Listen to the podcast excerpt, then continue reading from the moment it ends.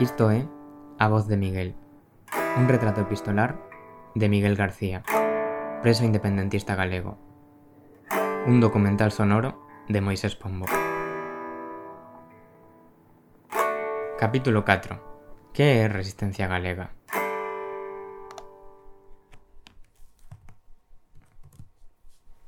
Estendamos a nosa solidaridade e o noso cariño a todas e todos aqueles que sofren a represión e a perseguición española e berremos xuntas. Viva Galiza Ceiber socialista! Viva! Viva a luita galega! Viva! Antes mortos e mortas que escravos e escravas! Viva! O único camiño! A solidaridade valente, o esforzo compartido, o traballo en coso cariño a todas e todos aqueles que sofren a represión e a perseguición española. Que ten que ser Eu non sei se ese que viche no vídeo do 2013 serei eu. Tampouco nego, porque a miña memoria é bastante precaria, mas eu non lembro ningunha manifestación de Ceibar en Vigo na que eu lese un comunicado. Por sorte ou por desgraza, teño participado en moitas manifestacións independentistas, asín que se cadra, sin que era eu e non o recordo. Que para mí a solidaridade? Ou como se pode practicar a... de que xeito se pode practicar a solidariedade? a veces vai ter unha manifestación como máis política e por iso pois, o movimento crea as súas estruturas eh, os, os, os organizacións, estruturas desde as que desenvolver esa solidaridade, pois ben, dando de altofalante a, a situacións das persoas presas, eh, eh, bueno, facendo chegar os, os enderezos e, e, e a xente como a ti e demais, mm.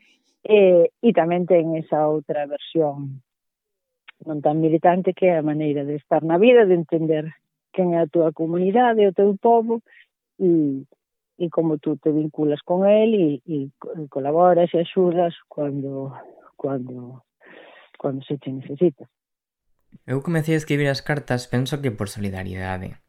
Pero por que ia ter solidariedade cara unha xente da que non coñeza a súa historia?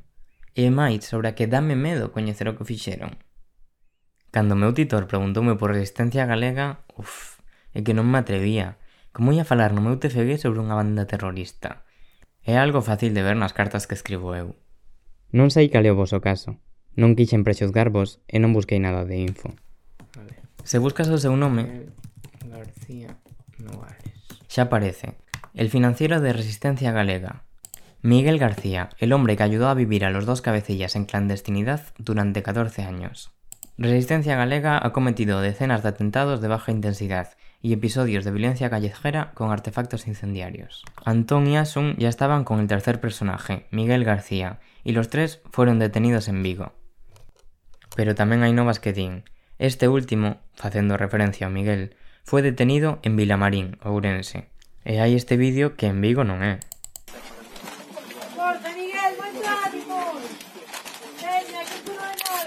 Y Miguel, ánimo.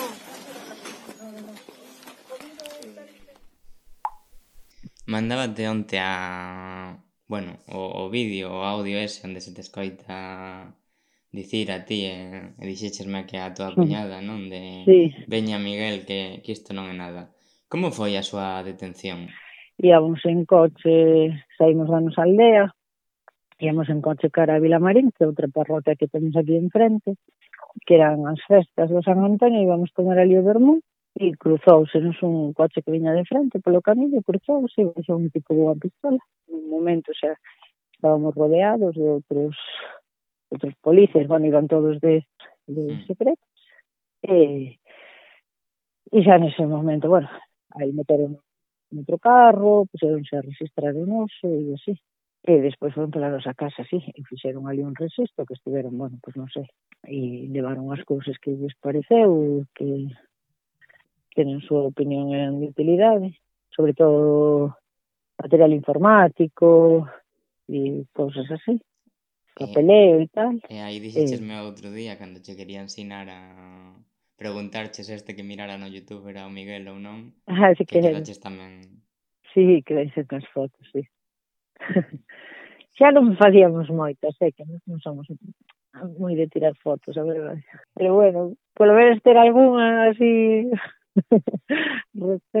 bueno, eu pasoche porque a medida que vou que vou buscando, no, ou seja, iso, eh, polo YouTube, en diferentes pois pues, cadeas, actos de solidaridade, cada vez canto máis anos boto para atrás, máis pixeladas están os vídeos, non? Yeah, Pero yeah. vou atopando, careña, fragmentos, digo, ah, mira, como ahora agora xa che coñezo a ti, mira, aquí está María, mira, aquí está o Miguel, eu podo pasarte todo iso, que, que ben. atope. Moi ben. E que en algún sitio pon que foi detido en Vigo, pero el foi detido por toda a súa casa. E en ningures pon ben de que lle acusan, ou que lle colleron para acusalo, porque se non era el o que estaba cos outros dous en Vigo, E se segues buscando hai outros artigos como Existe resistencia galega ou es un bulo del gobierno? Del diario.es, que tampouco que sexa un medio aquí alternativo. E hai unhas declaracións de Beiras, teñen que estar por aquí. Dicía algo así como que como llevan chamar terrorismo a isto? A min deixaronme no paro, a min non me pagan a subvención, eu non teño, eu non podo pagar hipoteca, etc, etc. E que chega a conclusión de que aquí só unha acción heroica pode cambiar as cousas. E que incluso está disposto a ser mártir. E repito, colle unha pota destas da presión, fai un artefacto caseiro, que condeno que se faga, e o pon nun caixeiro. Esta este outro que di. A Unión Federal de Guardias Civiles dice que los independentistas detenidos ayer son menos obreros. Uf, ano 2007. Ou sexa que estas foron das primeiras detencións. Non sei, non sei que pensar. O sea, na miña cabeza retumba iso de como pode haber condeados por terrorismo se non houbo terrorismo na Galiza. E tamén o posinatura da súa última carta. Posinatura. Non sei en que medida afectaría esta eventualidade o teu TFG.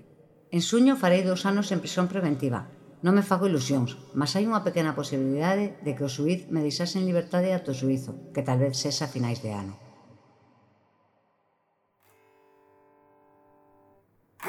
Pode que no seguinte episodio sexa a primeira carta que reciba dende fora de prisión. A voz de Miguel é un documental sonoro autoproducido e autoeditado por un servidor, Moisés Pombo. Podes atopar máis información Contidos e as transcricións ao castelán en cartasacadea.gal.